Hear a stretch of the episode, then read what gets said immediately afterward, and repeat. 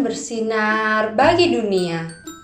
Renungan tanggal 31 Desember untuk anak balita sampai kelas 1 SD. Tuhan menjumpai manusia. Dari Lukas 2 ayat 15a.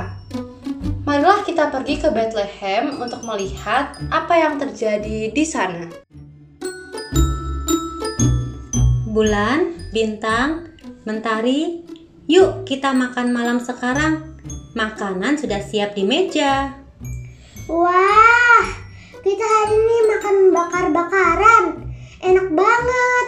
Kayak makan di restoran. Di masa pandemi ini, sebaiknya kita makan di rumah saja. Bersyukur kita semua bisa menikmati malam tahun baru ini bersama dan dalam keadaan sehat.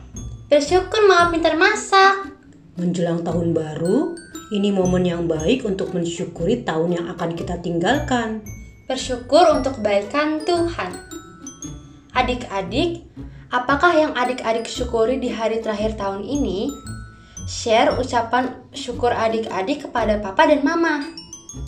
Mari kita berdoa.